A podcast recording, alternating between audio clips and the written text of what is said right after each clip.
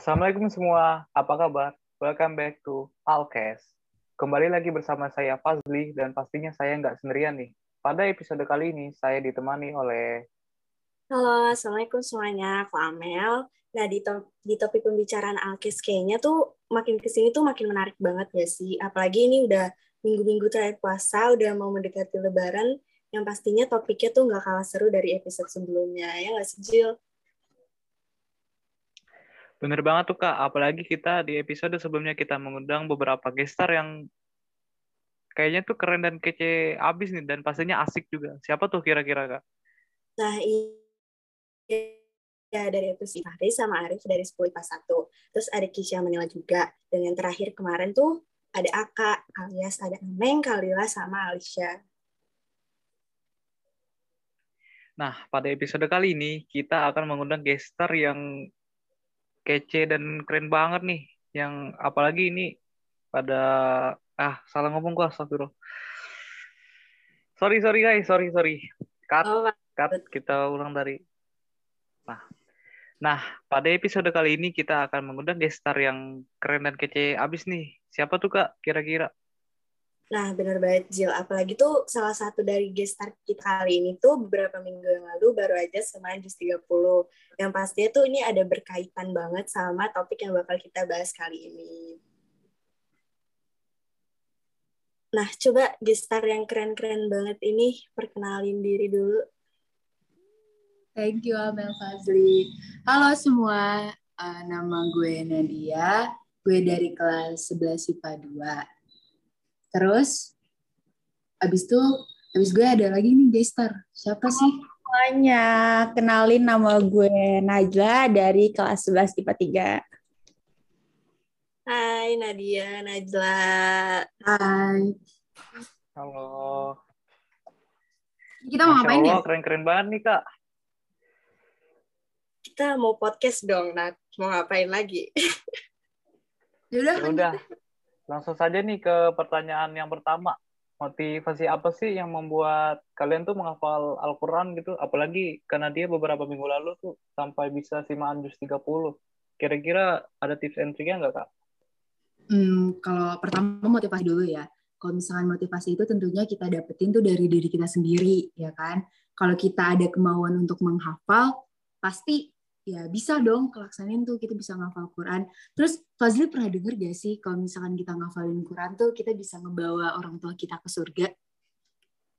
Oh iya pernah pernah denger deh. Apalagi kalau nggak salah tuh nanti kita apa orang tua kita tuh diberi jubah sama mahkota ya di surga tuh. Masya Allah keren nah, banget sih. Nah iya bener banget. Nah itu juga yang apa ya yang jadi salah satu motivasi gue buat ngafalin Quran.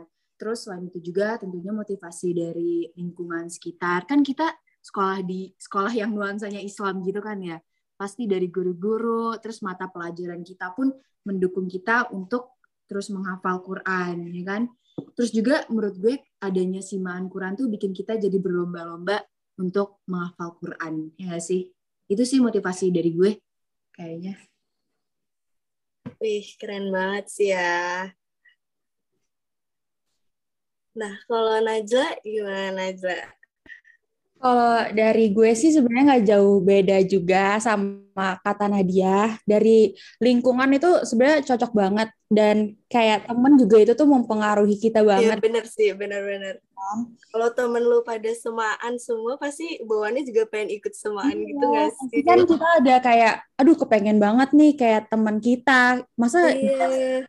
enggak, ya kan ya kan? Iya bener-bener. Nah, bener so, banget, bener. pertamanya itu kan uh, al itu kita tuh dari firman Allah. Nah, kita tuh harus jadi panduan dalam hidup kita. Nah, dan gue tuh suka banget kalau baca Al-Quran, itu tuh baca artinya. Karena di artinya tuh banyak kisah-kisahnya gitu. Jadi semakin dari diri gue tuh kayak semakin tertarik untuk mempelajari lebih dalam. Kalau dari gue sih itu ya motivasinya. Masya Allah. Jadi itu beneran kita... lu tiap Aduh, pada ini ya excited semua mendengar kita ya. itu Fazli dulu Fazli. jadi selain kita bisa menghafal Al-Quran dengan baik itu kita juga dapat cerita-cerita dan ilmu yang sebelumnya mungkin kita belum tahu gitu ya, ya gimana kita membaca artinya itu ya kan Iya, setuju banget. Benar-benar. Masya Allah.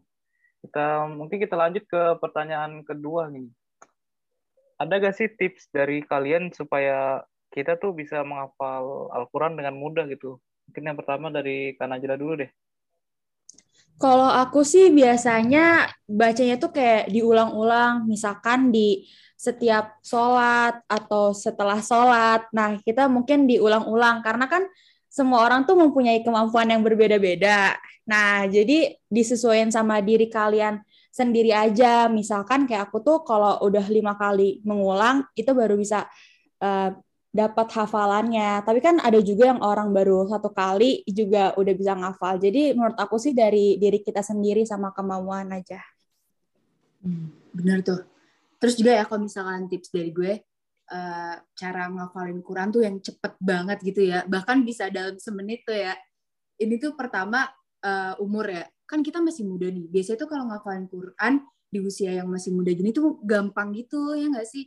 coba deh nanti lu kalau udah umur 20 atau lu udah punya anak gitu ya, lu ngafalin Quran itu pasti kan susah banget ya.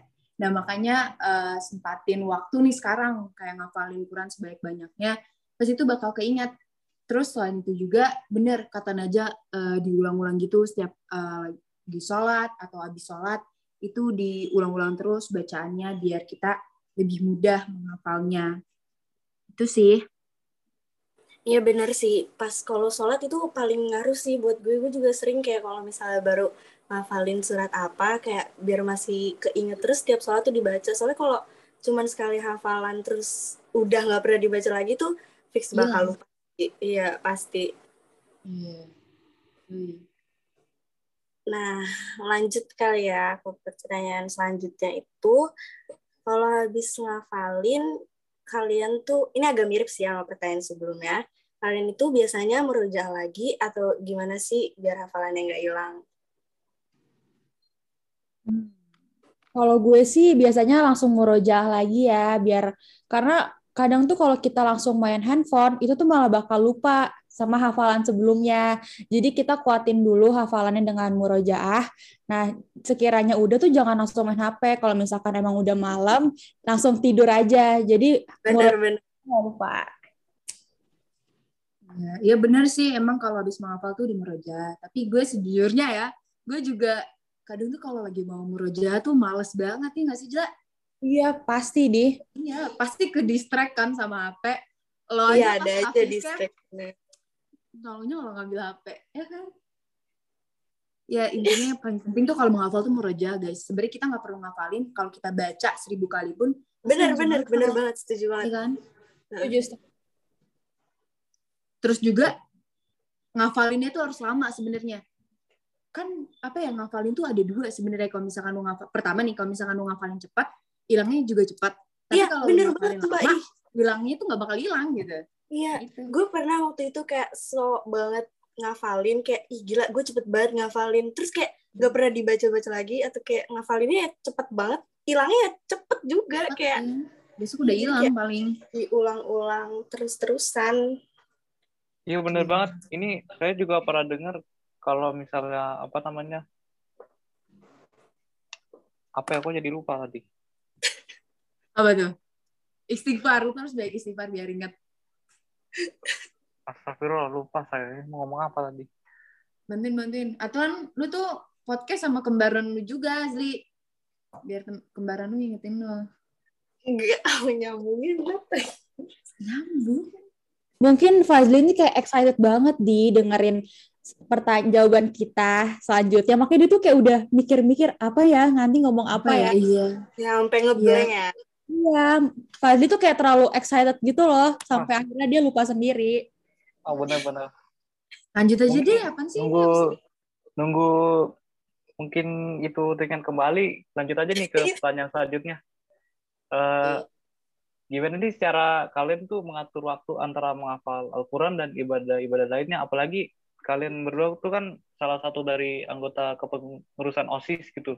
Jadi gimana sih cara ngatur waktunya Iya bener tuh sama kesibukan-kesibukan lain antara kesibukan akademik mungkin juga sama yang ya gitu gimana?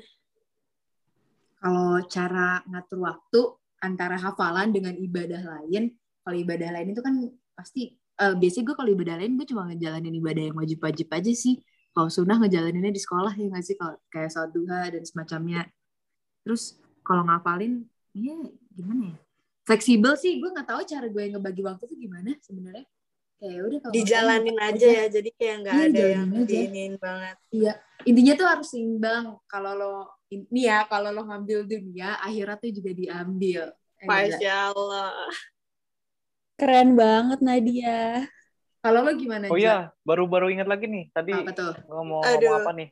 Uh, jadi saya tuh pernah dengar katanya kalau misalnya penghafal Al-Quran tuh gampang gampang banget malah justru yang susah itu menjaga hafalannya benar gak sih eh, benar nah, benar iya, banget itu dia benar betul benar, sekali benar. Coba Najla dong, Najla. Najla. Cara lu ngatur waktu gimana, Najla?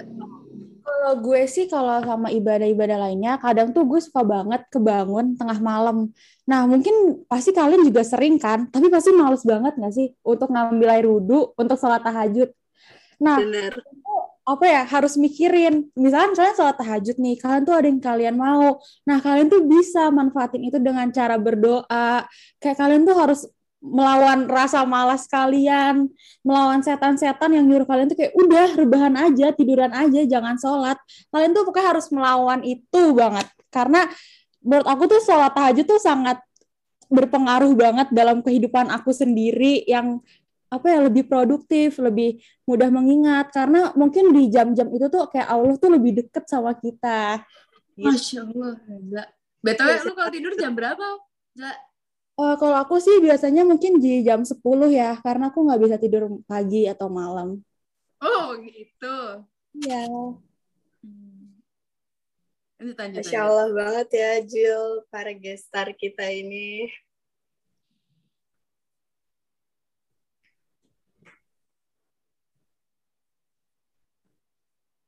Jill?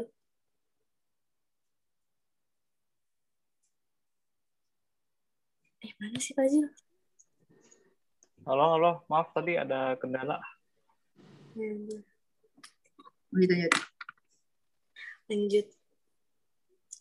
Nah, ke pertanyaan terakhir kali ya nih.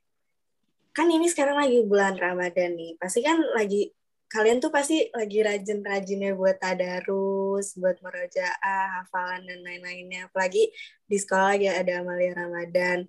Ada nggak sih target kalian selama Ramadan ini supaya cepat hatam? Nah, terus gimana tipsnya supaya bisa menghatamkan Al-Quran? Atau mungkin kalian ada tips lagi biar bisa cepat hatam Al-Quran? Najwa dulu dah. Ya, uh, dari gue sih ya, dari yang tadi gue bilang di poin-poin sebelumnya bahwa kalau kita emang lagi sholat atau mungkin habis sahur kan kita mau ke sekolah nih. Kalau kita tidur dulu tuh malah jadi males nggak sih sekolahnya? Malah jadi ngantuk bawa ya kan? Jadi mendingan Bahkan mungkin bisa kesiangan juga nggak sih? Ah, iya iya banget.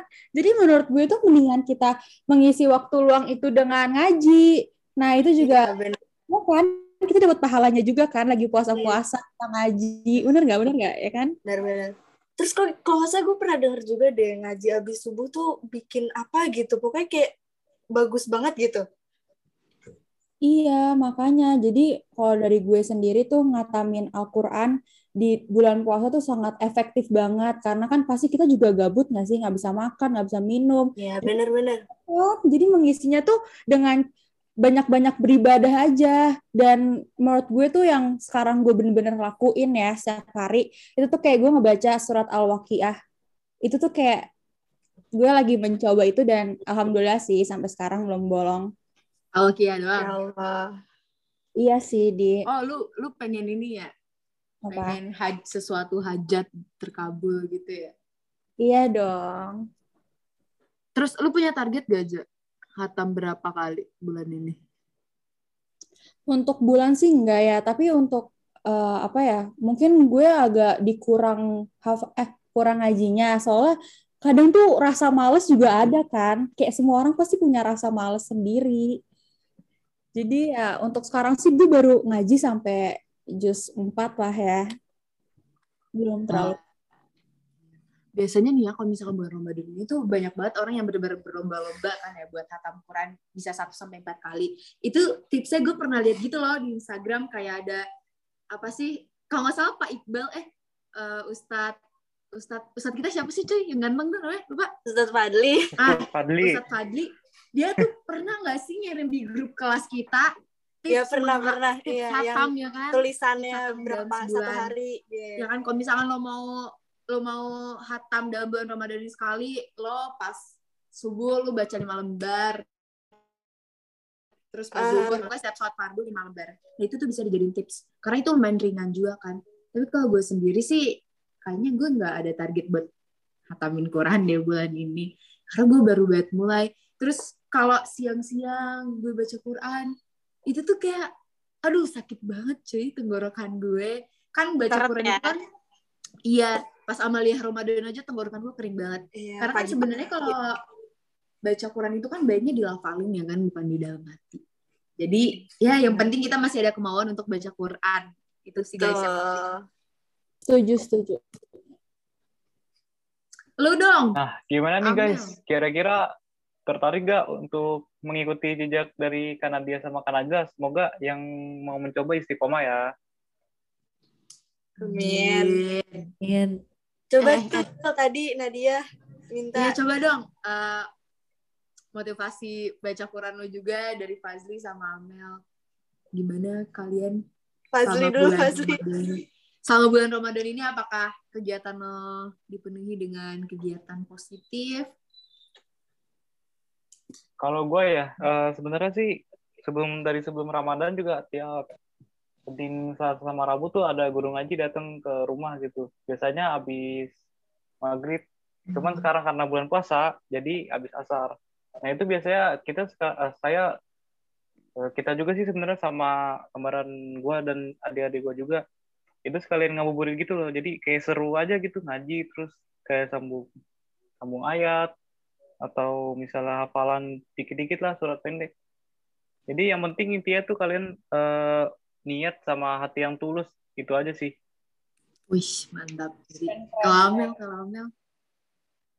Sama sih Gimana kayak kalian di Nadia Najwa yang motivasi tuh pasti harus dari diri sendiri mau kayak kalian dibilangin berkali-kali kayak it, segimanapun kalau kayak kaliannya sendiri belum ada niat buat kayak apa lebih ini terhadap Al-Quran tuh pasti masih aja males gitu.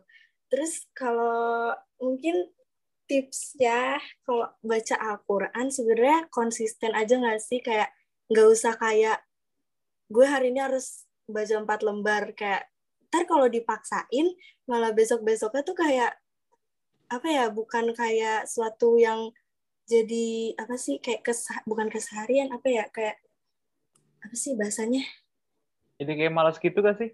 Iya kayak apa sih bukan kesadaran sendiri gitu loh kalau misalnya kalian Hmm. dikit-dikit aja dulu kayak satu lembar tapi konsisten tiap hari pasti lama-lama jadi kayak terbiasa buat kayak nggak bisa tanpa Al-Quran asik Terbiasa terbiasa terus jadi nambah gitu mungkin ya. iya benar gitu Ngomongin bulan Ramadan, lu ngerasa gak sih kayak pas bulan Ramadan ini, lu tuh kayak jadi lebih baik gitu? Eh, jadi lebih baik, ngerti gak sih? Ya sih hawa-hawa positifnya tuh kayak lebih muncul gitu ya Eh, gue pernah baca. Gue pernah baca nih ya. Maksudnya, kan kita ada 12 bulan ya. 12 bulan ini, di bulan Ramadan ini. Eh, emang, enggak, enggak, enggak, enggak 12 bulan nih. Kayaknya kita tuh kalau bulan, eh, kalau bulan dalam Islam, Iya nggak sih? Nggak tahu deh, pokoknya pokoknya kalau misalkan kita bulan Ramadan kan katanya setan itu kan di di, di penjara ya kan. Nah, kita tuh kalau bulan Ramadan kita juga jadi nggak males ya kan. Nah, sebenarnya tuh aslinya diri kita tuh nggak males ya sih. Kayak di bulan-bulan biasa tuh sebenarnya kita bisa membentuk apa sih bisa ngamal ngamalin em, ibadah-ibadah sunnah ya kan. Tapi kenapa kita cuma ngamalin ibadah-ibadah sunnah itu biasanya pas Ramadan doang? Kenapa ya? iya mungkin itu benar karena setannya pada diikat Mungkin abis ini bisa aja ya kan gue Najla abis bulan Ramadan selesai kita jadi males banget ya Jla. Mungkin dari kesadaran masing-masing aja kali ya di Ingat ya guys, pokoknya kita harus terus mendekatkan diri kepada Allah. Karena umur bumi nggak ada yang tahu ya guys. Allah. Benar, benar. Dan musuh terbesar adalah diri kalian sendiri. Benar, benar. Benar-benar. Sebagai- Mungkin kita tutup aja nih karena udah udah mulai malam ya. Mungkin ada yang mau taraweh atau mungkin karena dia dan Kak Najla ini mungkin mau menerusin tadarus Quran Oh, juga iya, nih ya kan. Oh iya benar. Oh, bener banget. Aku mau murajaah lagi abis ini. Iya ya. Yuk udahin aja yuk. Gue abis ini mau zoom nih sama Ustadz Herdan. Masya Allah. Ya udah, mungkin kita sudahi aja karena emang gestar kita sibuk-sibuk juga, tapi keren-keren juga pastinya. Mungkin sekian dari podcast kita kali ini. Mungkin ini episode terakhir ya, Jul ya. Episode spesial yang Ramadan. Ini episode terakhir. Ntar kita ketemu lagi setelah Lebaran yang pastinya topik-topiknya makin seru. Mungkin ntar kita undang-undang gestar lagi. Kan kita ini selama Ramadan full gestar semua ya. Nah, tapi pasti nanti setelah Lebaran juga bakal ada gestar-gestar lainnya. Bener banget tuh. See you on the next episode. Wassalamualaikum warahmatullahi Warahmatullahi wabarakatuh. Bye. Bye. Thank you. Alkes. Akhirnya aku See you diundang. guys.